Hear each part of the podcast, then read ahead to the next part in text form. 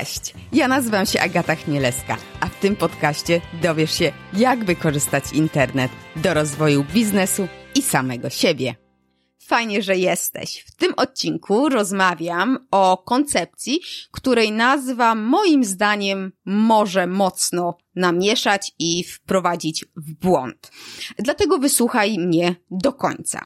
Z panią Joanną Berendt i panią Agnieszką Kozak rozmawiamy o idei porozumienie bez przemocy. No i ta cała przemoc robi tutaj największe zamieszanie, bo niekoniecznie o przemoc tutaj chodzi.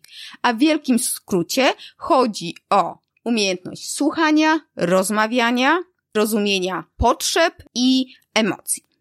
Obie panie są autorkami książki Dogadać się z innymi, czyli porozumienie bez przemocy, nie tylko w organizacji. Zresztą tą książkę możesz wygrać. Dlatego wysłuchaj odcinka do końca i dowiedz się, jak możesz tą książkę otrzymać, a warto ją przeczytać. W naszej rozmowie skupiłyśmy się głównie na biznesie, usłyszysz, jak słuchać swoich potrzeb i potrzeb innych i jak dzięki temu lepiej się komunikować, jak rozmawiać z aroganckim klientem, jak rozmawiać z pracownikiem i co zrobić, gdy e, mamy inne potrzeby w zespole. Poruszane zagadnienia tak naprawdę można też przełożyć do życia osobistego. Zatem zapraszam Cię do słuchania i pamiętaj o książce. Dzień dobry. Co dobrego u Pani słychać? E, z dobrych rzeczy to mam taki bardzo dobry czas przyglądania się sobie i nieprawdopodobnego dbania o siebie i swoje potrzeby. Tak sobie dzisiaj myślałam o tym, że e, jeszcze pół roku temu myśl o tym, że mogłabym dwa miesiące być w domu i nie pracować, była myślą, która mnie przerażała, a teraz jest myślą, która budzi bardzo dużo bardzo pozytywnych emocji we mnie. I jestem zaskoczona takim swoim spokojem reagowania na to, na co nie mam wpływu i na to, że właściwie planuję na dzień dzisiejszy, czyli kiedy sobie o czymś myślę, to myślę, no taki jest plan na dziś, a jutro zobaczymy, co będzie, więc e, tak podsumowując, dobre jest to, że wykorzystuję ten czas bardzo, bardzo e, tak dla siebie i w byciu ze sobą.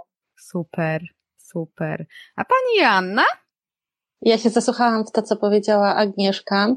Co dobrego u mnie słychać? E, słuchać, czy widać spacery z psem w słońcu, w deszczu, w śniegu, więc mam takie poczucie, że mam więcej czasu na kontakt z naturą. Mam też więcej czasu na kontakt z moimi nastolatkami, bo są w domu i nigdzie nie wychodzą.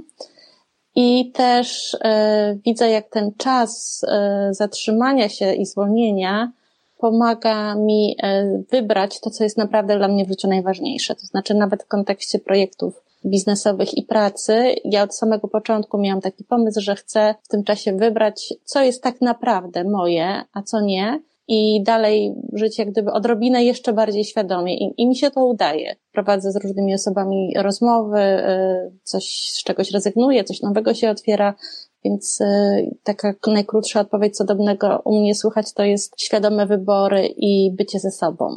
Fajnie, fajnie. Bardzo, bardzo tak się zasłuchałam ja też, bo, bo faktycznie y, mamy teraz taki czas, że warto go wykorzystać właśnie na zatrzymanie się, na zastanowienie się i też właśnie wybory, nie? Bo, bo różnie się u różnych osób dzieje i, i trzeba pomyśleć trochę o sobie, trochę też o innych i jakoś też układać sobie.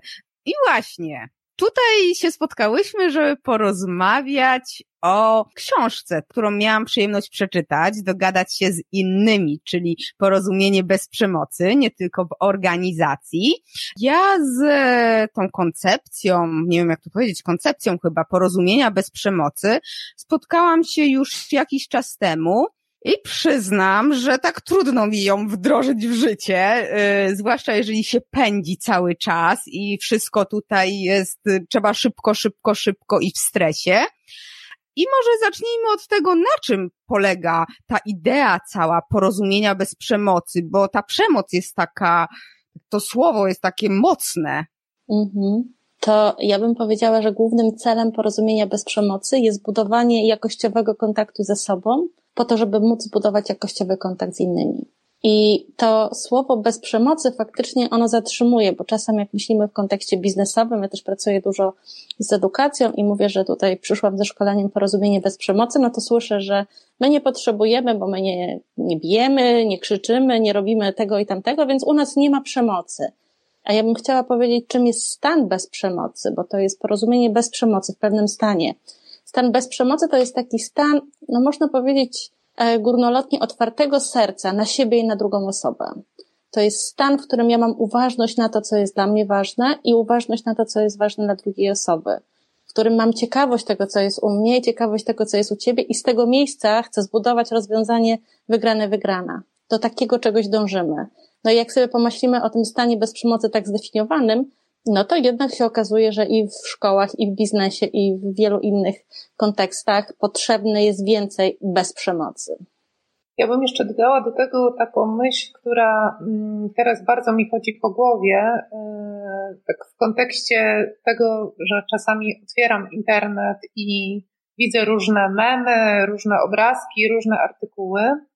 I mm, bardzo dużo się pojawia takich zdań, nawet przez wielu coachów promowanych pod tytułem przestań się bać, odrzuć życie y, z lękiem, można żyć bez lęku i tak dalej. Jak myślę sobie o tym, to to jest po prostu nieprawda, ponieważ e, przemoc właśnie bierze się z tego, że e, my nie potrafimy spotkać się z, albo inaczej nie potrafimy, albo mamy trudność dużą w spotkaniu się ze swoimi emocjami, i z takim zastanowieniem się, co te emocje mi mówią o mnie, i zamiast się z nimi spotykać, my próbujemy je odrzucać, upychać, chować, jedne uznawać za dobre, inne za niedobre, co powoduje, że one kotłując się w nas, powodują, że tracimy właśnie kontakt ze sobą i zaczynamy być przemocowi wobec innych, ponieważ te emocje nami zarządzają, zamiast my zarządzać nimi. Czyli dla mnie bez przemocy to, to, to co powiedziała Asia, to, to mhm. jest takie tak, taka kwintesencja to jest bez przemocy, to być w kontakcie z tym, co się faktycznie ze mną i we mnie dzieje i w takiej umiejętności odczytywania informacji i robienia coś z tą informacją, czyli reagowania na to, co jest faktem, a nie na to, co mi się wydaje albo co mi podpowiadają różne historie, które znam. Ja bym jeszcze dodała do tego, że w sumie porozumienie bez przemocy można opisać w takich dwóch pytaniach. I to są pytania, które zadawał twórca Marshall Rosenberg. Co jest we mnie i w tobie żywe? I jak możemy sprawić, żeby życie było piękniejsze? I tak naprawdę wszystko, co się tam kotłuje w porozumieniu różne narzędzia, metody, podejścia, opisują dokładnie to. Sprawdźmy, co jest tu i teraz, we mnie i w tobie żywe i jak możemy z tego zbudować piękniejszy świat. Taki piękniejszy na zasadzie uwzględniający ciebie i mnie, taki, w którym odchodzimy od dominacji, od szukania e, winnych, od udowadniania racji, od myślenia e, takiego statycznego i w języku powinności, tylko sprawdzenia, jak my chcemy, jak już wiemy, co jest dla ciebie ważne i dla mnie, to co możemy z tym zrobić, żebyś i ty i ja był uwzględniony. Mhm. Ja tutaj słyszę takie, słyszę właśnie, słyszę, że tutaj chodzi o to, żeby nauczyć się słuchać siebie i słuchać też drugiej strony trochę, prawda? No tutaj właśnie mówimy o tych emocjach, jakie są w nas, a z drugiej strony też no, spojrzeć, co druga strona potrzebuje. I to jest taka nauka troszeczkę słuchania. Y, dokładnie tak. Y, mam taką, mm, taką myśl z ostatnich warsztatów, które prowadziłam.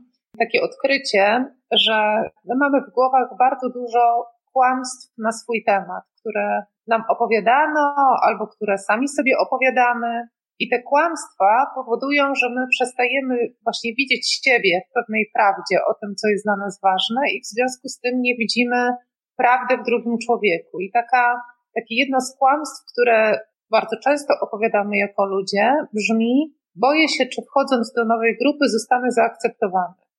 Dlaczego to jest kłamstwo? Dlatego, że ja się nie boję tak naprawdę, czy ja zostanę zaakceptowany. Ja się po prostu boję, że nie zostanę zaakceptowany w tym, czego sam w sobie nie akceptuję. Czyli ten lęk przed utratą akceptacji idzie z tego, że ja sama w sobie mam kawałki, których nie lubię, których nie przyjmuję i których nie akceptuję. I potem, co to powoduje? To powoduje, że ja zamiast patrzeć na Asię w kontakcie z nią i zastanawiać się, hmm, co ciekawego u ciebie, jak ty tak na mnie patrzysz, albo co ty przeżywasz, kiedy masz taką minę, to ja zaczynam się koncentrować na tym, hmm, co jej się nie podoba w moim zachowaniu. Dlaczego ona jest niezadowolona? Co ja być może zrobiłam negatywnego? O Boże, pewnie znowu widzi, że jestem beznadziejna i tak dalej, i tak dalej. I to kłamstwo na mój temat powoduje, że ja przestaję widzieć tego człowieka w prawdzie o nim, bo jestem, jestem cały czas w tym zakryta.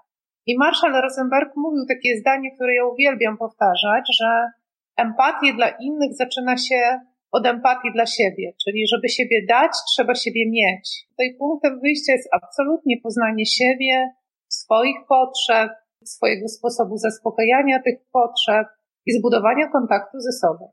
Ja bym jeszcze e, tutaj odpowiadając na Pani pytanie, że to, to jest o słuchaniu, ale dla mnie tam jest więcej niż o słuchaniu, bo to jest trochę inny paradygmat w ogóle spojrzenia na świat i na życie. Mhm. W takim paradygmacie, w którym e, świat do niedawna świetnie pędził, to był paradygmat, ja, albo ktoś wygra, albo ktoś przegra. Wygra silniejszy. Ktoś ma rację, ktoś nie ma racji. Bardzo popularne słowo zasługuje. Zasługuje na premię, zasługuje na tamto, na dobrą ocenę. Powinno się, trzeba, wolno, nie wolno. To jest taki język, który oddala nas od tego, żeby sprawdzić, co u mnie się dzieje. I co więcej, e, nie ma tam miejsca, albo nie zawsze jest tyle, ile byśmy chcieli miejsca, żeby potrzeby wszystkich były widziane i uwzględniane. I w tej zmianie paradygmatu my chcemy odejść od albo albo, białe-czarne, na rzecz szukania rozwiązań, które uwzględnią wszystkich, zatrzymania się i spojrzenia głębiej. Nie od tego, co ty chcesz i jak ty chcesz działać, tylko jakie jest sedno tego, co nazywamy potrzebami i uwzględnić twoje i moje potrzeby i jeszcze e, szefa i, i zespołu obok i, i, i klientów i szukać rozwiązania, które na poziomie potrzeb będzie nas e, uwzględniać, a my bardzo często skupiamy się na rozwiązaniach, które uwzględniają konkretne sposoby zaspokojenia potrzeb, e, strategii, ale to pewnie jeszcze będziemy wyjaśniać to rozróżnienie. Tak, no właśnie już chciałam przejść kawałek dalej, ale może, bo nie każdy musi znać te cztery punkty porozumienia bez przemocy i jakbym mogła właśnie poprosić o takie wyjaśnienie, jak to się, e, no, na czym to w ogóle polega. To ja nim byśmy przeszły, bo rozumiem, że Pani mówi o mm, czterech krokach, to ja bym chciała tak. powiedzieć, że sednem to jest takie założenie, że wszystko, co ludzie robią, albo nie robią, mówią, albo nie mówią, wynika z próby zaspokojenia potrzeb. Potrzeb, które są rozumiane jako takie uniwersalne jakości wszystkie, wspólne wszystkim ludziom. Na przykład teraz y, potrzeba bezpieczeństwa, ale też potrzeba rozwoju, potrzeba kontaktu, potrzeba odpoczynku. I że na tym poziomie potrzeb wszyscy, naprawdę tutaj świadomy, duży kwantyfikator, wszyscy jesteśmy tacy sami. Niezależnie od tego, czy mieszkamy w Polsce, czy mieszkamy, nie wiem, w innym kraju, ile mamy lat, jaką mamy funkcję, co robimy, to w pewien e, sposób potrzebujemy bezpieczeństwa, rozwoju, kontaktu, odpoczynku i tutaj wielu innych jakości w swoim życiu. Ale zazwyczaj zaspokajamy to na różne sposoby. Jedna osoba, żeby zadbać o bezpieczeństwo, e, nie wiem, zapina pasy, w samochodzie, inna sobie buduje kraty e, w domu. I można się spierać, co jest ważniejsze, kraty czy pasy, ale tak naprawdę na poziomie potrzeb jesteśmy tacy sami, bo chcemy zadbać o to bezpieczeństwo. I w porozumieniu bez przemocy my chcemy się zatrzymać i pójść głębiej, tak jak gdyby zanurkować do tych potrzeb i zobaczyć, co na poziomie potrzeb jest ważne dla mnie i dla drugiej osoby. Marszal też powiedział takie zdanie, które dla mnie zatrzymuje, bardzo lubię się zajmować konfliktami, znaczy zajmować w sensie opiekować się nimi tak, żeby prowadziły do konstruktywnego rozwiązania, że każdy konflikt można rozwiązać z 20 minut. 20 minut od momentu, kiedy obie strony usłyszą się na poziomie potrzeb, co czasem zajmuje e, i tygodnie, i dni ale jak już dotrzemy do tego naszego człowieczeństwa, co jest dla ciebie ważne, kiedy się ze mną kłócisz, czy żeby, kiedy chcesz e, ten swój projekt przeforsować na poziomie potrzeb? I kiedy ja pokażę tobie, co jest ważne na poziomie potrzeb, to wtedy się staje e, możliwe zupełnie nowe, nowe rozwiązania. Stają się możliwe. Jest większa kreatywność, większe zaufanie i jest miejsce na dialog, więc tym sednem porozumienia bez przemocy jest popatrzenie na, na siebie nawzajem poprzez pryzmat potrzeb i to jeszcze jeden kawałek dodam, że w tym ujęciu w sumie znikają ze świata knombrni, nie wiem, klienci, roszczeniowi klienci, e, aroganccy ludzie,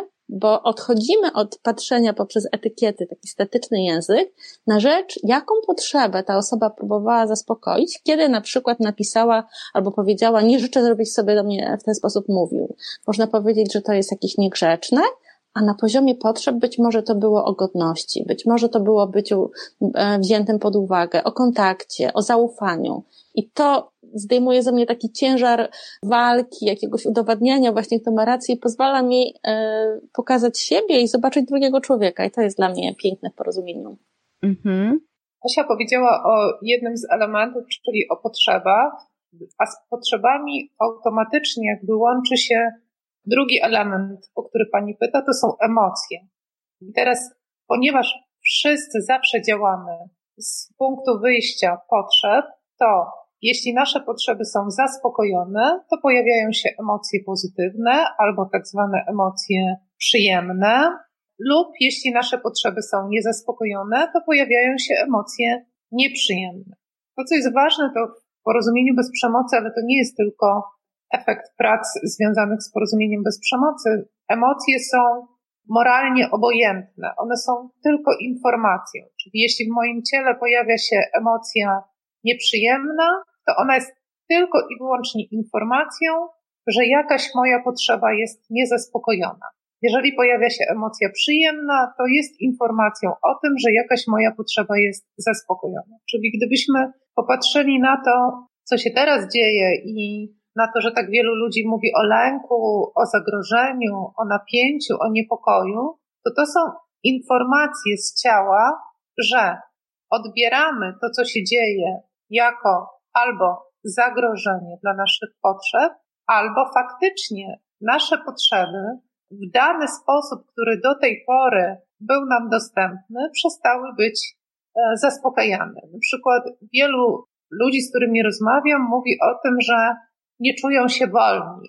No nie ma takiego uczucia, jak nie czuję się wolny, ale rozumiem i słyszę, że oni mówią, moja potrzeba wolności w taki sposób, jak do tej pory, przestała być możliwa do realizacji. I to jest ten kolejny element w porozumieniu bez przemocy, to jest właśnie strategia, czyli sposób zaspokojenia potrzeby. I te sposoby zaspokojenia potrzeb, i to jest właśnie to, o czym Asia mówiła wcześniej, że my się po prostu różnimy tylko sposobami zaspokojenia potrzeb. Czyli każda z nas, tak jak tu siedzimy, na pewno mamy potrzebę niezależności i każda z nas inaczej sobie te potrzeby niezależności będzie zaspokajała w swoim życiu, tak? I jak pracuje, ktoś inny będzie swoją potrzebę niezależności zaspokajał w ten sposób, że będzie mówił, co myśli, każdemu, niezależnie od okoliczności, a ktoś inny potrzebę niezależności będzie zaspokajał sobie w ten sposób, że będzie miał na przykład tak zwany bałagan w swoim pokoju i nikt mu nie będzie mówił, co ma robić. Tak? Ja tutaj też tak zauważyłam, słuchając pań, że mm, tu jest potrzebna też taka pewność siebie i akceptacja, brak wstydu naszych potrzeb, tak? Bo wiele osób no, po prostu też nie okazuje swoich potrzeb, bo one mogą nie być akceptowalne przez środowisko zewnętrzne. A z drugiej strony, tutaj pani Anna powiedziała, że ktoś no, nieprzyjemnego maila otrzymuje i zamiast się denerwować na tą osobę, jak ona do mnie pisze, jakim prawem, to właśnie takie skupienie się ta osoba właśnie, no, zaakceptowanie tego, nie, nie branie tego do siebie. Tak, i to, to jest e, bardzo, daje mi dużą sprawczość i moje życie staje się o wiele łatwiejsze. No bo jak ja dostaję maila, w którym słowa są, są dla mnie bolące i nieprzyjemne, no to mogę zrobić kilka rzeczy. Mogę się zacząć wkurzać na tą osobę, jaka ona jest, E, nie, nie wiem, niegrzeczna e, i, i my to na, nazywamy obwinianiem drugiej osoby i taki, taka rozkręca się spirala przemocy, bo jak ja sobie opowiem taki, taką historię w głowie, że ona jest niegrzeczna, nie szanuje mnie, a powinna mnie szanować, to to, co ja jej odpowiem, to raczej nie będzie w kierunku kontaktu, tylko udowodnienia, że ona zrobiła coś źle. Drugi wybór, który mogę zrobić, to mogę zacząć opowiadać sobie historię o tym, że ja jestem jakaś nie za bardzo. No, powinnam lepiej się postarać, powinnam była przewidzieć, że to tak się e, zadzieje. I jak ja znowu opowiem sobie taką historię i zacznę pisać maila z odpowiedzią, to to też nie będzie raczej mail konstruktywny, pewnie pomniejszy samą siebie. Zgodzę się na rzeczy, które dla mnie nie działają. I to, co my chcemy zrobić w duchu porozumienia bez przemocy, to jak dostaję tego maila, to najpierw się zatrzymać i zobaczyć, co się we mnie dzieje. Co ja czuję, jak czytam te słowa. Może jestem smutna, może jestem wściekła i dlaczego, tak jak Agnieszka powiedziała, o jakich ważnych potrzebach informują mnie te emocje, te, e, te uczucia. Być może to jest o potrzebie właśnie szacunku, być może o współpracy, być może o jakiejś jasności, o czym do końca e, to jest. I jak już zrobię sobie, że tak powiem, porządek ze sobą, zobaczę, o co ja chcę zadbać w tej sytuacji, to mogę zrobić jeden krok dalej i zobaczyć, o czym to jest dla tej osoby, co ona czuje i co potrzebuje. I ja bym chciała bardzo podkreślić, że to nie chodzi o to, że ja rozgrzeszam tą osobę, że ona ma ok pisać do mnie trudne maile, czy może mi robić y, różne rzeczy. To nie jest o tym, że ja będę się zgadzać na rzeczy, które nie są dla mnie w porządku, tylko to jest o tym, że ja chcę przestać walczyć i iść w kierunku porozumienia, jeśli chcę iść w kierunku kontaktu i takiego wypracowania rozwiązania wygrany-wygrany. Ja bym jeszcze wróciła do tej pierwszej części Pani pytania. Zadała Pani pytanie, czy to jest tak, że potrzebujemy mieć pewność siebie i akceptację, żeby komunikować swoje potrzeby. Ja bym nawet użyła innego słowa, że potrzebujemy mieć zbudowane poczucie własnej wartości, żeby od początku móc wyrażać swoje potrzeby. To jak popatrzymy na to z punktu widzenia takiego neurobiologicznego, to bardzo, bardzo wiele badań pokazuje, że kiedy y, rodzic, opiekun y, zaspokaja potrzeby dziecka już w okresie niemowlęcym w taki sposób prawidłowy, to rodzi się taki też prawidłowy styl przywiązania, który daje dziecku informację od początku, że wszystko z nim ok i że kiedy wyraża swoje potrzeby, to wszystko z nim ok. W związku z tym, gdybyśmy wszyscy byli tak wychowywani, że kiedy jesteśmy głodni, mówimy jestem głodny, kiedy nas boli, mówimy płaczemy i mamy na to przyzwolenie, to w dorosłym życiu no, nie potrzebowalibyśmy się tego uczyć na nowo. Natomiast niestety jest tak, że bardzo wielu dorosłych, kiedy byli dziećmi, dostawało e, komunikaty, w których e, ich potrzeby były negowane albo zaprzeczano im. E, my mamy, można by było powiedzieć, takie dwa wzorce komunikatów e, w naszym społeczeństwie, że chłopaki nie płaczą, trzeba być twardym, a nie miękkim, a dziewczynki się nie złoszczą, bo złość piękności szkodzi. Mhm. I to powoduje, że kiedy małe dziecko wyraża swoje emocje związane z określonymi potrzebami i domaga się ich zaspokojenia, to bardzo często niestety od dorosłego słyszy, że mu tego nie wolno, że nie ma się czym przejmować, albo nie ma co płakać, albo że w głowie mu się poprzewracało i różne, różne e, komunikaty, które powodują, że no właśnie, kiedy wyrażamy swoje potrzeby, to jesteśmy nawet zawstydzani przez dorosłych. W związku z tym faktycznie tworzy to taki wzorzec, o którym Pani powiedziała intuicyjnie, że w dorosłym życiu odczuwamy pewien rodzaj wstydu, że w ogóle mamy potrzeby i moglibyśmy je zakomunikować, a co za tym idzie, wstyd jest bardzo często informacją o lęku przed odrzuceniem, ponieważ jeżeli ja mówię wstydzę się powiedzieć, że czegoś chcę, to ja tak naprawdę wstydzę się, czy, znaczy boję się, czy ja dostanę akceptację, czy to zostanie przyjęte, bo ja mam takie wzorce, że kiedy ja mówiłam, że czegoś chcę, to słyszałam, że to jest nie okej. Okay. To można by było w ogóle połączyć, że e, kiedy w trakcie wychowania jacyś dorośli opiekunowie zaprzeczają naszym potrzebom, to to niestety po pierwsze bardzo mocno wpływa na kształtowanie ośrodkowego układu nerwowego, ale również bardzo mocno wpływa na nasze poczucie własnej wartości wpływa w taki sposób, że je po prostu obniża i powoduje, że zaczynamy faktycznie mieć takie przekonanie, to jest to, co Asia powiedziała, że no, coś ze mną nie tak, jeżeli ja czegoś chcę albo czegoś potrzebuję, albo nie daj Boże, drugi wzorzec reagowania, że coś ze mną nie tak, kiedy ja coś czuję negatywnego. W związku z tym my upychamy te emocje, a jak upychamy emocje, no to tracimy kontakt ze sobą. No tak, ale takich relacjach rodzinnych, te emocje, wyrażanie ich, te nasze potrzeby, a w biznesie relacja szef, pracownik albo pracownik, tak firma, klient, zwłaszcza jeżeli jest jakaś sytuacja stresowa, tutaj wszystko szybko, a jednak ja mam takie poczucie, przynajmniej dla mnie, to, to, to jest czasochłonne, takie porozumiewanie się, bo faktycznie trzeba się zatrzymać, i pomyśleć, poczuć, a jednak od nas oczekuje się natychmiastowej odpowiedzi. Tak, ja się zgadzam, że to jest czasochłonne i bardzo często mówię o porozumieniu bez przemocy, że to jest takie podejście zwolnić, żeby przyspieszyć. To znaczy, tak, rozmowy, ustalanie, uwzględnianie siebie zajmuje czas. Natomiast w sumie jaka jest alternatywa?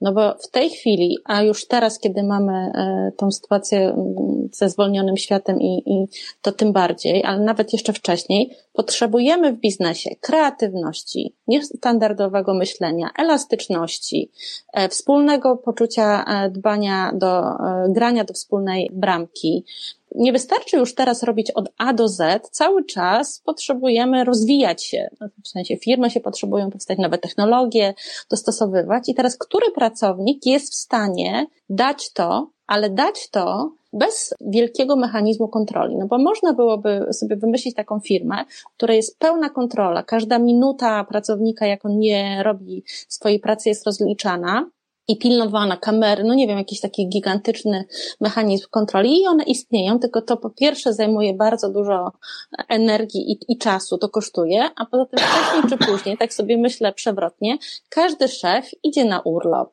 na szkolenie, na spotkanie ze swoim szefem i co ci pracownicy, czy oni wtedy też dają takie 100 albo 200%? Więc jeśli chcemy od pracowników żeby byli kreatywni, żeby byli zaangażowani, żeby byli realistyczni, żeby podpowiadali nam, e, jak tworzyć nowe, nowe produkty na miarę tego zmieniającego się świata, to potrzebują się zdarzyć dwie rzeczy. Ci ludzie potrzebują się w pracy czuć bezpiecznie i mieć poczucie, że ich głos jest brany pod uwagę, że oni są widzeni jako ludzie. Tego się nie da zrobić, tych jakości, kreatywności, innowacyjności, autorytarnym zarządzaniem poprzez strach i, i kontrolę i przymus. Więc pamiętam takie szkolenie, kiedy e, uczyliśmy się z menedżerami porozumienia bez przemocy i takiego e, zarządzania w tym stylu.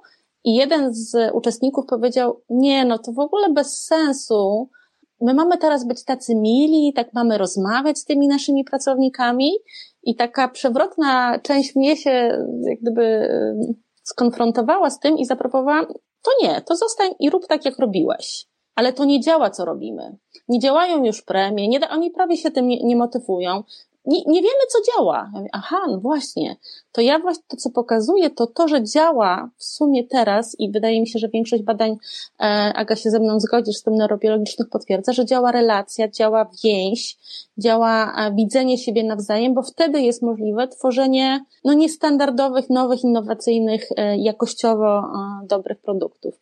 Więc tym bardziej w biznesie, oczywiście nie będziemy siedzieć i rozmawiać o uczuciach, ale będziemy, y, moim zdaniem, rozmawiać coraz częściej o potrzebach, o tym, co jest ważne i szukać rozwiązania wygrane, wygrane, czyli takiego, które uwzględni i pracownika, i szefa, i zespół, i firmę, i klienta, a nie tylko tą osobę, która ma władzę. Ja bym jeszcze dodała przewrotnie, że to wymaga czasu, ale tylko na początku. Ponieważ yy, dlaczego my reagujemy, nie wiem, agresywnie, albo przemocowo, albo nerwowo, albo napięciowo? Dlatego, że w naszych mózgach są wytworzone takie, a nie inne układy neuronalne, więc yy, wystarczy yy, tylko i aż wytworzyć nowe układy neuronalne i no, ja mogę zagwarantować wszystkim, którzy nas słuchają, że po wielu latach ćwiczenia empatii dla siebie i, i w ogóle bycia zanurzoną w NBC, ja jestem w stanie bardzo szybko przełączyć się na reakcję porozumienia. Bardzo wielu y, sytuacji już y, unikam. Bardzo wiele razy absolutnie wyszłam y, no, w, w kategoriach wygrany, wygrany, ponieważ nie powiedziałam różnych rzeczy, które powiedziałabym wcześniej, ponieważ mój mózg już się nauczył, już mam zbudowane bardzo dużo nowych obwodów neuronalnych, których kiedy nawet ktoś na mnie krzyczy, to ja jestem w stanie pomyśleć sobie, okej, okay, ale dlaczego on krzyczy, bo się boi, okej, okay, jaka jego potrzeba za tym stoi, bezpieczeństwa, dobra, to jaka moja reakcja w tym momencie zadba o jego bezpieczeństwo, a jaka wyeskaluje ten problem, więc to jest bardzo ważne, co Pani mówi, bo podczas szkoleń y, uczestnicy bardzo często mówią, kurczę, to oznacza, że my się musimy nauczyć nowego języka. Tak. I na początku to jest tak jak, nie wiem, ja się, ja jestem zafascynowana językiem włoskim i się go uczę, i, i, ale chcę powiedzieć, że po dwóch latach nauki włoskiego ja już nie odmieniam w głowie przez osoby. Ja po prostu już mówię płynnie. A na początku, jak miałam skleić jedno zdanie, to siedziałam przed komputerem i zajmowało mi to 5 do 10 minut, więc to tylko na początku jest trudne i tylko na początku zajmuje dużo czasu, a potem jest znacznie łatwiejsze. I też jeszcze jedna rzecz, o której pani powiedziała. Ludzie są zestresowani. A co to znaczy są zestresowani? No, znaczy... no, no. No, no właśnie. To jest bardzo trudne, tak jak określanie emocji, ale zestresowani, no to też lęk jakiś czują, gdzieś coś się czegoś boją. Ta, tak bym to określiła. Mhm. Pewnie się czegoś boją, pewnie czują lęk, być może czują napięcie, być może czują niepokój, a może czują obawę. I teraz, jeśli ja jako menedżer nie rozpakuję paczki pod tytułem zestresowani, to ja nie znajdę potrzeb, które mogłabym zaspokoić. Jeżeli nie zaspokoję potrzeb, to nadal będą zestresowani. Więc mam alternatywę o której mówiła Asia, czyli albo po prostu ludzie będą cały czas w napięciu, stresie i nie będą kreatywni, albo rozpakuję tę paczkę, jakie oni mają obawy, co tam jest pod spodem, co ich niepokoi i co mogę zrobić, żeby zadbać o ich spokój, o ich zadowolenie, o ich poczucie bezpieczeństwa, może o przewidywalność, może o sukces. I w momencie, kiedy zadbam o te potrzeby, oni się automatycznie uspokajają i mają otwartość na eksperymentowanie z kreatywnością chociażby.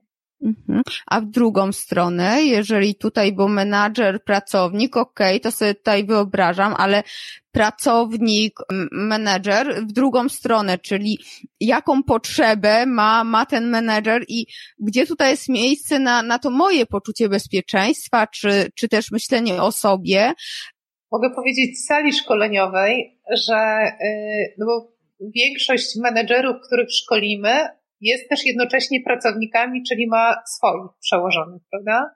I zwykle to robimy w cyklu pięciu dni warsztatowych i na koniec każdego cyklu oni wszyscy mówią, zacząłem rozumieć, dlaczego mój szef zachowuje się w taki, a nie inny sposób i rozumiem, czego ode mnie oczekuje i dlaczego to dla niego ważne.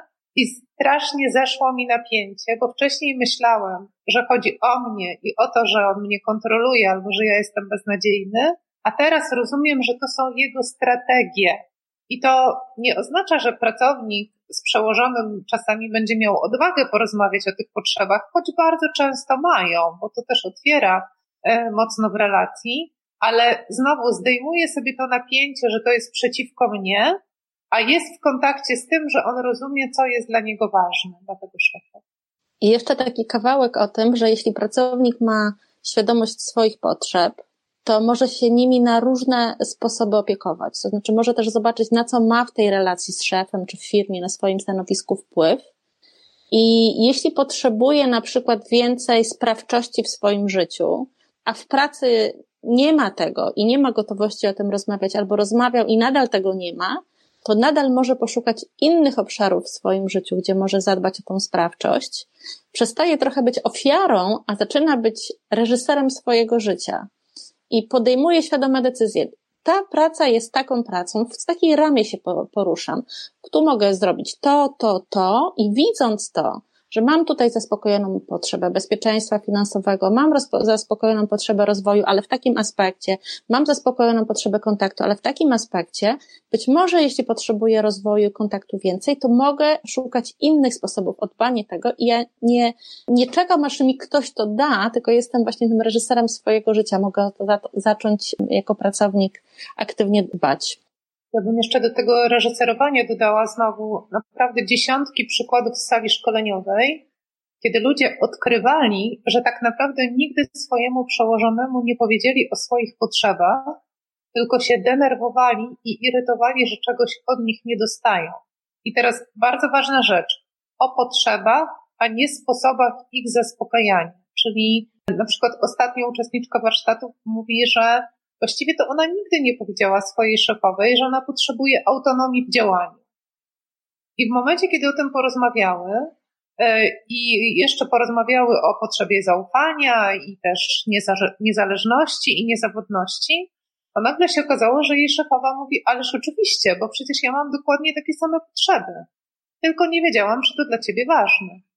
I mi przychodzą do głowy rozmowy z e, szefami dokładnie z tego samego miejsca, w którym ty mówisz. Jak się denerwują, że pracownik tego nie robi, tak nie robi i, i tego nie dostają, to takie pytanie, ale czy powiedziałeś, że akurat dla ciebie, ty jesteś takim szefem, dla którym te jakości, te potrzeby są bardzo ważne. To przecież jest oczywiste, jesteśmy w pracy. No okej, okay, no pewna pula zachowań w pracy jest oczywista, ale czy powiedziałeś, czy de facto się zakontraktowałeś i umówiłeś, że ty jesteś takim szefem, który to ceni? I była taka odpowiedź, nie, myślałam, że oni to wiedzą. A tutaj trochę też wychodzimy z takiego, e, żeby już nie czytać ludziom w, w głowach, bo to raczej nie działa, tylko w otwartej komunikacji i ustalaniu, co jest dla mnie ważne, co jest dla ciebie i kontraktowaniu się, co jest możliwe, co jest wykonalne. Też sobie myślę o takich sytuacjach, kiedy szef mówi, e, potrzebuję raport na środę na dwunastą, wszyscy się go boją, więc kiwają głowami albo nic nie mówią i on wychodzi i myśli, że dostanie raport e, w tym terminie, a oni wszyscy wiedzą, że to jest niemożliwe, bo dopiero dane z serwera schodzą w czwartek, więc na środę tego raportu nie będzie. Ja jako szef wolałabym to wiedzieć, bo mogłabym w oparciu o nowe dane, nie wiem, planować spotkania z klientami czy różne rzeczy. I na tym polega dla mnie otwarta e, komunikacja, że my sobie o tym mówimy, a nie przemilczamy, a potem mówimy, ono nie dało się, jeżeli ja powiem, słuchaj szefie, ja słyszę, że to jest bardzo ważne dla ciebie na, na środę, natomiast dane schodzą w czwartek, to co robimy? To może on podejmie decyzję, że zrobimy e, analizę w oparciu o dane z zeszłego tygodnia i to będzie najlepsze, co umiemy pokazać w środę klientowi, ale jest tutaj większe pole e, do wpływu, do wspólnego ustalenia, jeśli rozmawiamy o tym, a nie zakładamy, a przecież nie powiedziałem, że potrzebuję na środę. To jeszcze referując do tego, co powiedziała Asia, że w porozumieniu bez przemocy uczymy się słuchać, ale też uczymy się mówić, ponieważ to, co nas najbardziej, można by było powiedzieć, no, wyrzuca w relacjach albo jest źródłem największej liczby konfliktów, to jest to, że my robimy założenia, że wszystko jest oczywiste, a jeszcze bardzo wielu menedżerów mówi, jak ja pracuję wiele lat z ludźmi, to oni mi czytają w myślach, ja patrzę i oni wiedzą, co ja od nich chcę. I kiedy robimy eksperyment, a zapytaj, co oni wiedzą i czego ty tak naprawdę od nich chcesz, to większość wracając na szkolenie mówi, hmm, jednak się pomyliłem, wydawało mi się, że oni wiedzą, co ja chcę. I to jest, znowu to jest takie źródło przemocy, że my nakładamy swoją mapę na mapę tej drugiej osoby i zakładamy, że ona ma dokładnie tak samo zbudowany mózg i te same połączenia synaptyczne co ja, więc jak ja mówię A, to ta synapsa dokładnie prowadzi do punktu Z w ten sam sposób, co u mnie w mózgu. No niestety tak nie jest, więc to nie tylko słuchać, ale też należy się nauczyć mówić i formułować oczekiwania. A jak właśnie formułować te, te zdania, te wypowiedzi? Bo ja się spotkałam też z takim określeniem, że to jest troszeczkę taka manipulacja, że, że ja nawet się spotkałam, jak sobie ćwiczyłam to, to się spotkałam, pewnie to trochę niezdarnie robiłam, że ale nie mów tak do mnie, bo, bo mam wrażenie, że tutaj coś kombinujesz, tak?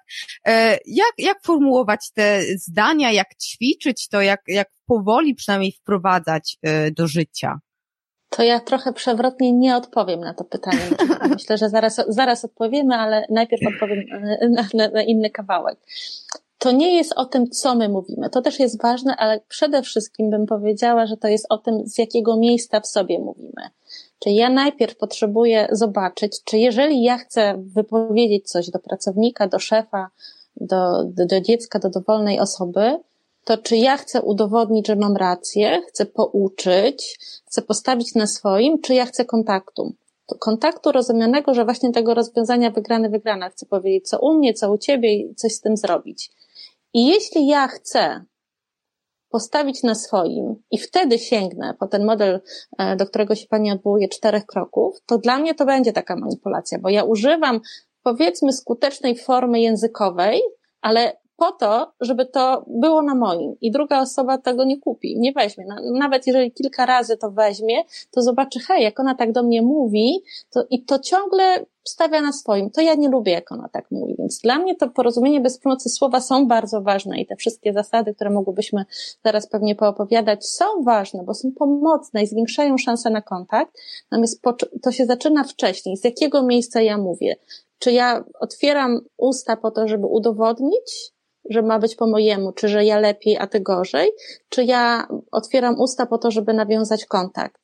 I jeżeli naprawdę nawiązać kontakt, to wtedy te różne słowa, czy powiedziane w strukturze czterech kroków, czy powiedziane tak bardziej po ludzku, bo chyba ja jestem zwolenniczką mówienia w taki naturalny sposób, który buduje kontakt. Słowa mają -hmm. też budować kontakt. Jeżeli faktycznie się wyuczę formułki, no to te słowa nie będą prawdopodobnie budowały kontaktu, bo będą sztucznie brzmiały dla drugiej osoby, więc ja potrzebuję wiele razy ćwiczyć, ćwiczyć to, co Aga wcześniej e, mówiła, ćwiczyć ze sobą, ćwiczyć w takich dwójkach e, ćwiczeniowych, nim ja zacznę do ludzi mówić, bo to ma brzmieć naturalnie i te słowa, no taka przykład potrzeba harmonii. Jak ja pójdę do szefa i powiem, że ja potrzebuję harmonii, albo do nastolatka to nawet bardziej będzie obrazowe, to on mi powie, to sobie kup harmonię, w sensie instrument.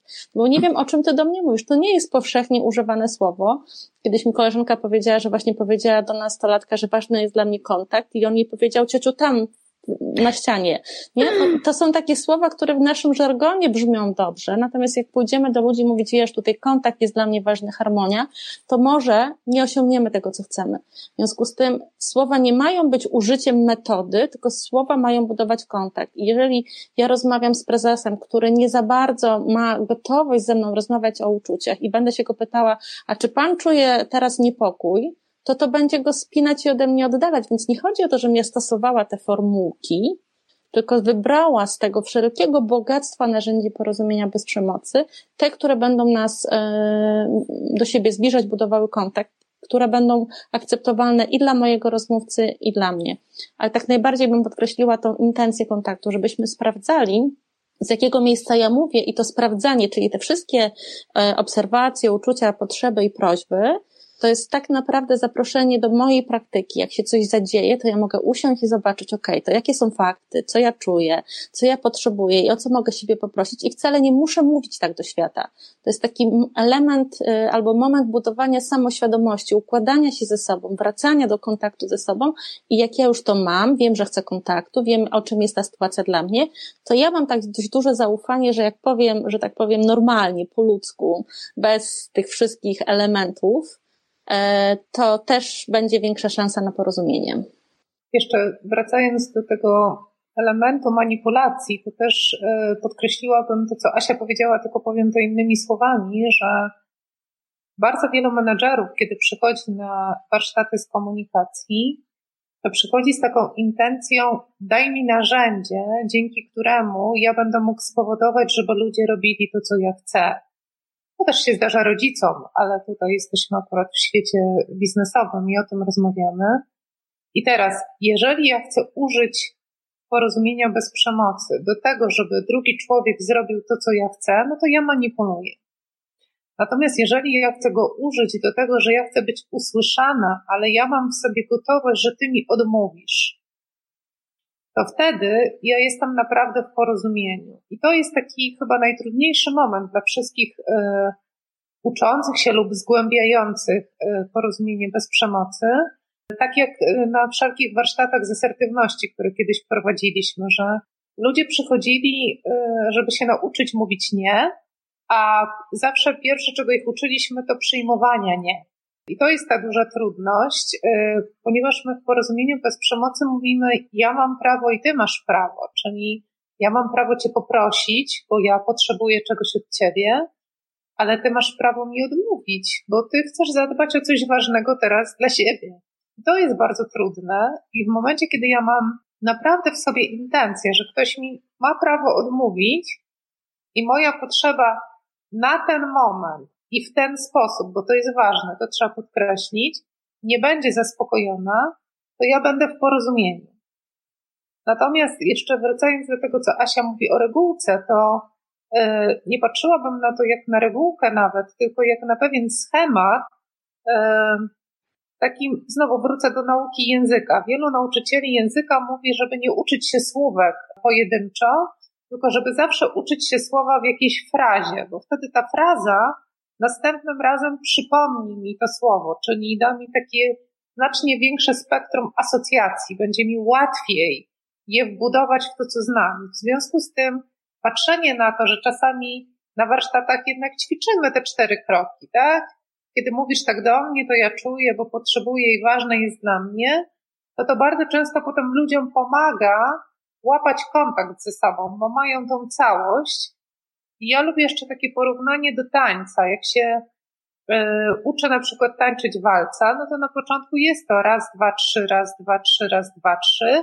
I dopiero jak opanujemy tą funkcję podstawową kroków, to dopiero potem można robić freestyle, przewroty, obroty i tak dalej. Dlatego te cztery kroki, to jest to, co powiedziała Asia, to żeby pamiętać o tym, że każda sytuacja wywołuje we mnie jakąś emocję, a ona jest informacją o mojej potrzebie, z którą ja mogę coś zrobić. Mogę skierować prośbę do siebie, mogę skierować prośbę do kogoś, mogę niczego nie powiedzieć, ale ważne, żebym ja miała świadomość tego, że to coś ze mną robi i że ja mam wpływ na siebie i że ja mogę coś z tym zrobić. A jeżeli jest taka sytuacja, że no szef prosi o zrobienie czegoś i pracownik mówi, że nie, on tego nie zrobi, to no nie ma czasu albo to nie jest zgodne z tym, co uważa, według niego to jest bez sensu, to, to w ogóle nie ma racji bytu. I w tym momencie, nawet jeżeli faktycznie ten szef, no, mówi, że no, ale tak, no proszę cię, tak, zróbmy tak, to jest przetestowanie, mam takie zalecenia, tak z góry załóżmy. To jak tutaj znaleźć tą właśnie tą, tą nitkę porozumienia? Jedna osoba, okej, okay, rozumiem, że tamten ma jakieś argumenty za nie, ja z kolei mam, no muszę to zrobić i tak naprawdę, no, rozłożyć ręce można. To można by zadać pytanie, co to znaczy, że ja muszę to zrobić?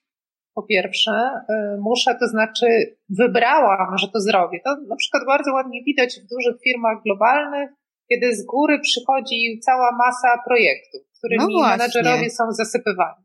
Y, no to ja rozumiem, że ten menedżer, przyjmując dany projekt, podjął decyzję o tym, że chce zaspokoić jakąś swoją potrzebę. Spróbujmy się na chwilę zastanowić, jaką. Być może potrzebę bezpieczeństwa, być może potrzebę bycia ważnym, być może potrzebę bycia widzianym, a być może potrzebę sukcesu, a może bezpieczeństwa finansowego swojego, swojego i swojej rodziny. Ale to on podjął decyzję, że chce zaspokoić te potrzeby. I teraz on przychodzi do pracownika, któremu chce dać dodatkowe zadanie do zrobienia. Bo mm -hmm. rozumiem, że o tym mówimy, nie mówimy tak. o podstawowym zadaniu. Nie, nie, nie, a, tak, dodatkowe. A ten pracownik w tym momencie podejmuje decyzję o tym, że on nie chce partycypować w zaspokojeniu potrzeby swojego menedżera na przykład, ponieważ chce zadbać o swoje ważne potrzeby. I teraz ważne jest to, to, co nas różni tutaj w tym momencie, to jest to, że pracownik w wolności może odmówić, ponieważ on nie musi tego wykonać. To słowo muszę to jest jedno z takich naj, najczęstszych słów, które słyszymy w korporacjach. Muszę, powinienem i tak dalej. Tylko, że menedżer nie, nie bierze pod uwagę albo nie widzi tego, że on wcześniej podjął autonomiczną decyzję, że wziął projekt. Dlaczego go wziął? I teraz może prosić o to tego pracownika, a może wziąć odpowiedzialność powiedzieć, OK, mój pracownik mi odmawia, to teraz patrzę, jak inaczej mogę zrealizować projekt, do którego ja się zobowiązałam, ale nie uwzględniłem tego, czy moi pracownicy będą chcieli w tym wziąć udział, czy mają na to przestrzeń czasową, czy mają do tego wiedzę, czy mają do tego umiejętności. Czyli ja lubię tutaj ten kawałek, w którym warto sobie uświadomić, że to menedżer podjął decyzję i to jest jego odpowiedzialność za to, jaką decyzję podjął. Wielu menedżerów mówi, musiałem wziąć ten projekt. Pytanie, czy musiałem, czy dokonałem wyboru. Ja bym chciała się jeszcze tej sytuacji przeglądnąć e, z innej strony, chociaż to jest bardzo podobne do tego, co mówi Aga. To znaczy, jedno z założeń, mówiłyśmy o tym, że wszystko, co ludzie robią, wynika z próby zaspokojenia potrzeb, ale kolejne założenie mówi, że ludzie chętniej działają na dobra innych, jeśli mają wybór. I to nawet bym powiedziała, że ten wybór to nie jest w tej konkretnej sytuacji, tylko ja bym znowu się odniosła do tego, co mówiłam wcześniej, do relacji. Czemu chcieć budować porozumienie w firmie? No właśnie dla takich momentów, bo ten moment jest trochę pokłosiem tego, co było wcześniej. Jeżeli ja regularnie biorę moich pracowników pod uwagę, to oni też będą bardziej skłonni brać mnie jako szefa pod uwagę. Jeżeli my się wzajemnie słyszymy, jeżeli jest między nami zaufanie, jest między nami szacunek, to oni mi powiedzą nie, dlatego że będą mieli zaufanie, że możemy o tym porozmawiać. Więc tutaj jeszcze raz bym podkreśliła, że to, co jest potrzebne moim zdaniem teraz w biznesie, to budowanie przestrzeni dialogu opartego na zaufaniu, na, na relacjach, bo wtedy właśnie w takich momentach, kiedy pojawia się projekt y, i czy ja go biorę, czy, czy on naprawdę jest jakoś tam niezbędny do, do zrobienia, to będzie większa gotowość pracowników do tego, żeby zrobić coś niestandardowo i więcej. A drugi kawałek, który bym chciała podkreślić, to jest to, że jeśli rozmowa by przebiegała tak, jak pani powiedziała na początku, ja mówię, a on mówi, ale nie, ale tutaj zrozum, ale tak, to dla mnie ta rozmowa jest trochę na argumenty i to ale to pokazuje mi, że się nie słyszymy. Ja bym chciała, żeby szef powiedział o tym, słuchaj, dla mnie to jest ważne, bo nie wiem, chcę dotrzymywania umów z moim szefem, chcę zadbać o to, jak nasz dział jest widziany przez firmę, chcę też się wywiązać, bo widzę z tego i takie, i takie korzyści. Tyle, co jest gotów pokazać. To nie chodzi o to, żeby pokazywał wszystko, ale jakiś kawałek takiego, żeby pracownik miał poczucie, do czego jest zapraszany, jaki jest sens tego, że on coś ma nowego zrobić. I żeby pracownik też powiedział, wiesz co, ja mówię nie, dlatego że tutaj mam prezentację dla klienta i ja chcę ją naprawdę zrobić na tip-top. Albo mówię nie, bo w tej chwili ważne jest dla mnie dotrzymanie umów z tamtym działem. I jednocześnie, jeśli ty byś chciał, żebym ja zrobił ten twój projekt, to ja potrzebuję usiąść i zastanowić się, jak o te inne rzeczy zadbamy. Bo to, co mówimy w porozumieniu bez przemocy, że jak ktoś mówi nie, to już Aga o tym wcześniej mówiła, to mówi nie na konkretną propozycję, na, na strategię, na, na działanie, ale tak naprawdę, mówiąc nie, nie zrobię tego projektu, mówi tak swoim jakimś ważnym potrzebom. I ja bym chciała takiej rozmowy między innymi, o co chce zadbać pracownik, kiedy mówi nie, jak, jakim potrzebom mówi tak. Być może to jest potrzeba, nie wiem, kontaktu ze swoją rodziną, bo dzisiaj jego dziecko ma urodziny i ma jakieś zobowiązania które, i obietnice wcześniej złożone. I może to jest o tym, że on dzisiaj tego nie zrobi, ale jutro może przyjść wcześniej i to zrobić, albo zostanie, nie wiem, w piątek po południu i to zrobi, żeby pojawiła się między nami elastyczność. Nie teraz ma to być zrobione tak, jak ja chcę i się przekonujemy i wygrywa silniejszy. I trochę nie wiadomo, kto jest silniejszy. Czasem to jest szef, ale kiedy mamy coraz, mieliśmy coraz bardziej rynek pracownika, to czasem to są pracownicy, więc w każdym razie w takiej wojnie na argumenty wygrywa silniejszy. A ja w ogóle chcę od tego oddać i żebyśmy porozmawiali, o co dba szef, o co dba e, pracownik, jakie są jeszcze inne opcje zadbania o tej jakości i żebyśmy właśnie wypracowali rozwiązanie, które widzi e, potrzeby wszystkich interesariuszy tej sytuacji i bierze je pod uwagę. I wtedy powstaje to porozumienie, i wtedy przy najbliższym projekcie, jeżeli ja nie zmuszę pracownika, tylko ja go uwzględnię, to znowu będzie większa skłonność na współpracę, bo się widzimy jako ludzie, bo jesteśmy w relacji. Ja bym jeszcze dodała do tego to, y, bo to, bo to zdanie jest bardzo charakterystyczne, które pani powiedziała, że to jest bez sensu. To jeszcze jest trzecia jakby opcja do tego, co mówimy, to jest jeszcze zapytanie, a co ty do mnie mówisz, kiedy mówisz do mnie, że to jest bez sensu? Oczywiście nie chodzi o to, żeby zadać to pytanie literalnie, tak jak ja teraz powiedziałam, ale najczęściej pod tym bez sensu brzmi, potrzebuję wiedzieć, dlaczego ty mi to każesz robić, albo często ludzie mówią, kurczę, boję się, że to będzie kolejny projekt, który trafi potem do szuflady, albo jestem przepracowany i tak naprawdę nie widzę żadnych korzyści z tego, albo wiesz, nie pamiętam, kiedy ostatnio wyraziłeś mi pozytywną informację zwrotną, a przynosisz mi kolejną rzecz do zrobienia, więc pod tym bez sensu jest też bardzo wiele ukrytych potrzeb. Jeżeli menedżer zacznie rozmawiać, pytać o te potrzeby, czyli co to znaczy bez sensu, no to jest szansa na porozumienie. No dobrze, ale często i gęsto w firmach jest tak, że przychodzi jakaś nowa procedura z góry i no okej, okay, no ten szef, tak, menadżer, lider zespołu, on oczywiście może powiedzieć, nie, nie zrobię tego, ale to zwykle może się wiązać z tym, że straci pracę, więc no, on musi to zrobić i w tym momencie, no ma zespół, sam tego nie jest w stanie zrobić, deleguje to, tak, a tutaj się z oporem. No i teraz, no, potrzebuję, żebyś to zrobił, bo inaczej, nie wiem, szef mnie zwolni. No, często i gęsto jest coś takiego, że jakaś jest procedura, z góry przychodzi, no i nie ma ale, trzeba to wdrożyć. E, powiedziała Pani bardzo ważną rzecz, którą mówi 95% menedżerów na sali szkoleniowej, że kiedy odmówią, to zostaną zwolnieni. I ja wtedy pytam, kiedy ostatnio się zdarzyło w Waszej firmie, że ktoś odmówił realizacji jakiegoś zadania albo projektu, uzasadniając, dlaczego odmawia i został zwolniony? Jak Pani myśli, jaka jest odpowiedź? No pewnie nikt tam nie, nie, nie, nie podaje, że tak było. To się po prostu nie zdarza. E, okay. Od wielu, wielu lat, od kiedy prowadzę warsztaty, chyba że Asia ma inne doświadczenia, zaraz to usłyszymy, nie usłyszałam, żeby ktokolwiek w firmie, kto odmówił realizacji zadania lub nowego projektu, uzasadniając, dlaczego odmawia, został zwolniony. Raczej słyszałam sytuację, w której zyskiwał szacunek, zyskiwał e, takie poczucie bycia partnerem, zyskiwał też to, że potem był słuchany w różnych rzeczach.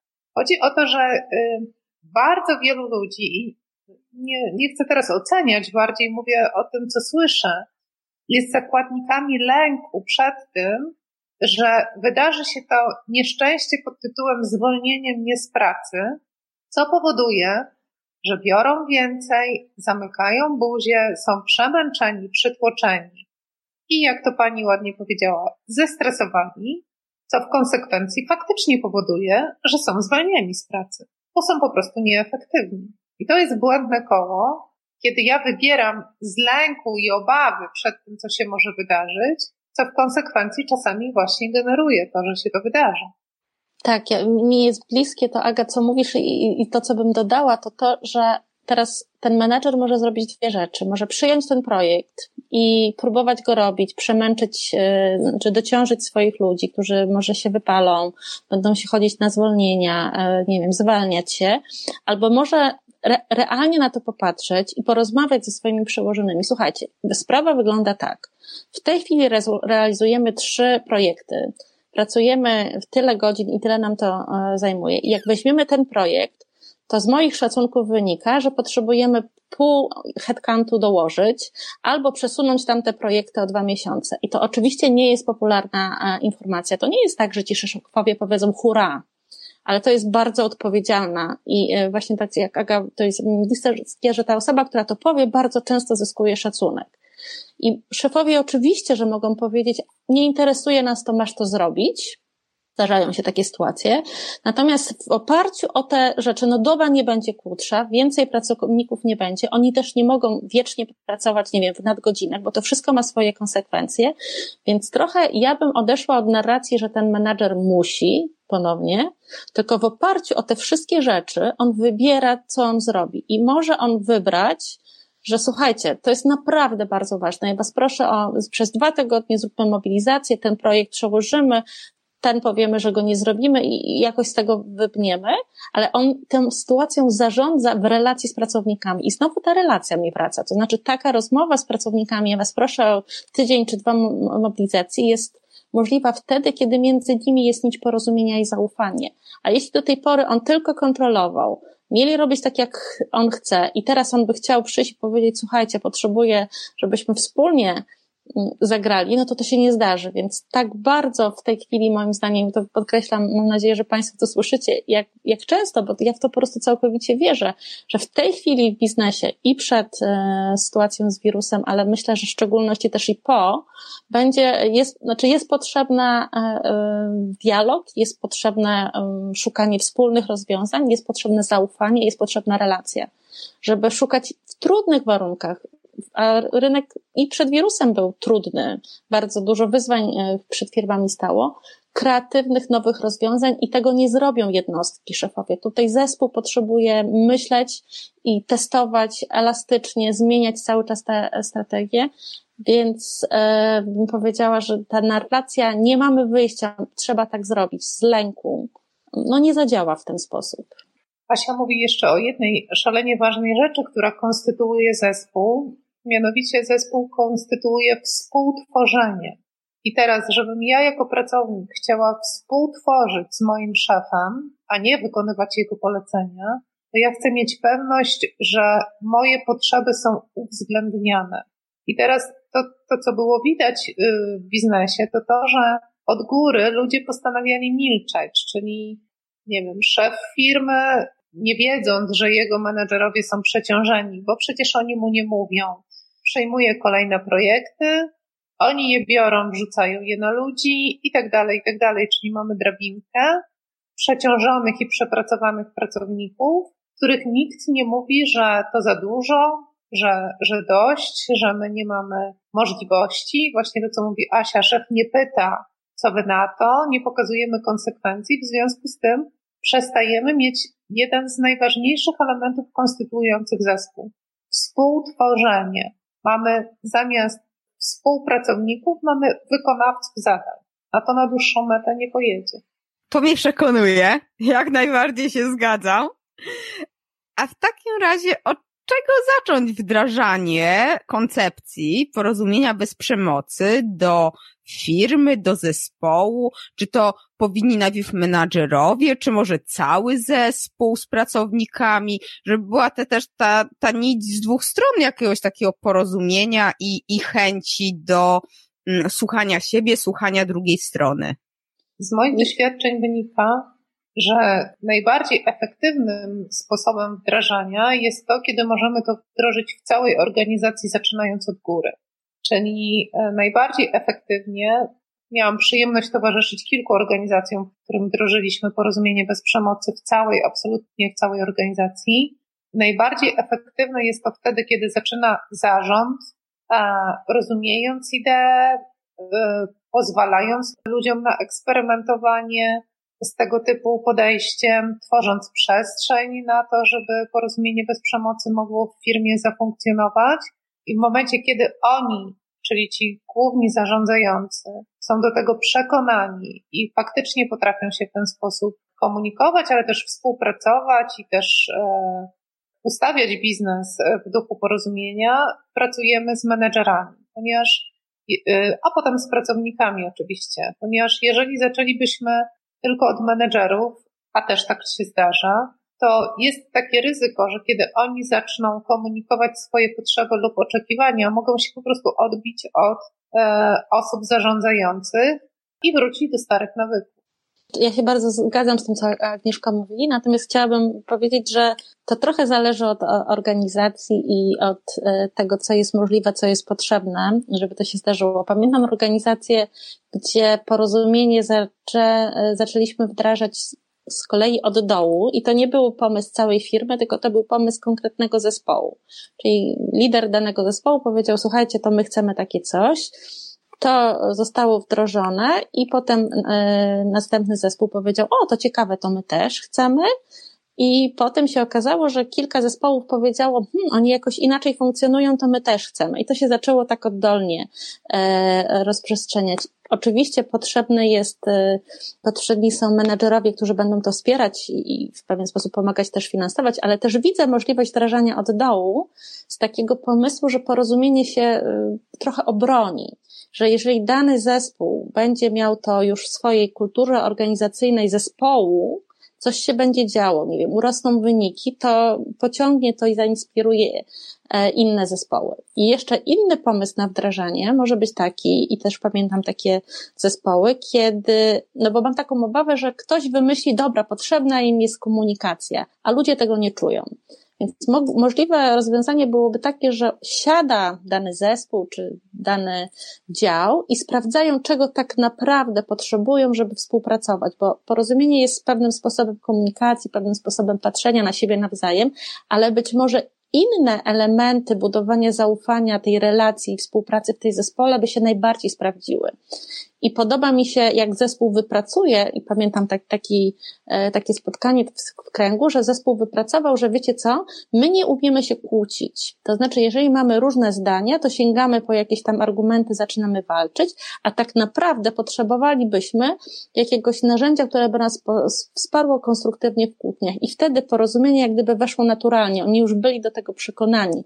To nie ktoś im narzucił, tylko oni sami powiedzieli, dobra, to spróbujmy. Więc myślę sobie, że na pewno e, ważne jest, żeby było wsparcie e, zarządu czy, czy, czy, czy góry, ale też od różnych stron można byłoby spróbować to wdrażać. A to jeszcze tak na koniec. Jak to ćwiczyć? Bo to pewnie jakiś czas trwa, zanim się nauczymy, zanim też zaakceptujemy te swoje potrzeby, nauczymy się słuchać siebie, nauczymy się słuchać e, drugiej strony. E, a tak w praktyce, jakie są jakieś w ogóle może metody, ćwiczenia? No, wiele mi przychodzi do, do głowy, ale taka, do której e, najczęściej zapraszam na, na warsztatach, e, które prowadzę, to jest właśnie to, o czym na początku mówiłyśmy, to jest empatia dla siebie. To znaczy, żeby zacząć brać na poważnie swoje potrzeby. Po pierwsze, żeby je zauważać, tak samo jak zauważać swoje uczucia i brać je pod uwagę. To znaczy, jeżeli ja widzę, że często w pracy złoszczę się i umiem dotrzeć do tego, że bardzo potrzebuję e, współpracy, czy bardzo potrzebuję bycia braną pod uwagę, to nie, nie zamiatać tej potrzeby pod dywan, bo to, co bym chciała podkreślić, że niezaspokojone potrzeby nie znikają. One tam siedzą pod tym dywanem i bardzo często niekonstruktywnie, w najmniej oczekiwanym i pożądanym momencie wyskakują. Więc ta praktyka by polegała na tym, żeby regularnie sprawdzać, co się we mnie dzieje, co ja czuję, co ja potrzebuję i jak mogę małymi kroczkami w tych realiach, w których funkcjonuję e, w moim zespole czy w mojej firmie, zacząć o te potrzeby dbać. Czyli jeżeli na przykład potrzebuję wsparcia, to co ja mogę zrobić, żeby o jeden kroczek dalej zwiększyć e, współpracę w moim zespole, czy takie moje poczucie, że ja w tym uczestniczę. I jak ja będę miała coraz bardziej i świadomość swoich potrzeb, będę umiała nimi zarządzać i opiekować się, to będzie dużo łatwiej wejść potencjalnie w dialog z innymi osobami. Absolutnie zgadzam się z tym, co mówi Asia, tylko dodałabym jeszcze do tego dwa kroki, ponieważ ćwiczyć empatię to jest jedno, ale jakby największą trudnością w empatii dla siebie jest to, że ludzie po prostu nie znają słów opisujących potrzeby i emocje, więc dodałabym tylko ćwiczyć empatię dla siebie, siedząc po prostu z listą uczuć i z listą potrzeb i sprawdzać, co to jest we mnie. Natomiast druga rzecz, i to yy, chcę, żeby to wybrzmiało z jak najbardziej taką czystą intencją, że dobrze jest to jednak ćwiczyć z kimś, kto zna yy, albo ma umiejętność nazywania emocji i potrzeb, ale też będzie pomagał w szukaniu tych właśnie kroczków i sposobów na zaspokajanie potrzeb, ponieważ znowu doświadczenia mm, z pracy warsztatowej pokazują, że ludzie, nawet jeśli potrafią odkryć, tak, potrzebuje uznania, tak, y, irytuje się, kiedy tego uznania nie dostaje, to jest im bardzo trudno wymyślić sobie sposób, jakby to miało wyglądać, co on miałby zrobić. Dlaczego? Dlatego, że nie miał takich wzorców zachowań, czyli nigdy nie widział, albo nie słyszał, albo nie obserwował zachowania, w którym ktoś prosiłby o uznanie, albo nigdy nie słyszał, jak to jest wypowiedzieć swoje zdanie tak wprost i być w tym przyjętym. I praca warsztatowa pomaga w tym, że można po pierwsze wspólnie sobie zbudować wzorce zachowań i je poćwiczyć, a po drugie, no trochę tak się nauczyć od siebie, czyli hmm, to ciekawe, co mówisz, to ja mógłbym spróbować zachować się w ten sposób. Na przykład pamiętam, to może nie jest biznesowe, ale e, taki przykład przychodzi mi do głowy, jak y, kiedyś na warsztatach pojawił się taki temat y, problemu z teściową, która jak przyjeżdża, to y, po prostu sprząta w mieszkaniu swojej synowej. Tam jakaś dziewczyna do wniosła. I ktoś mówi, no i co?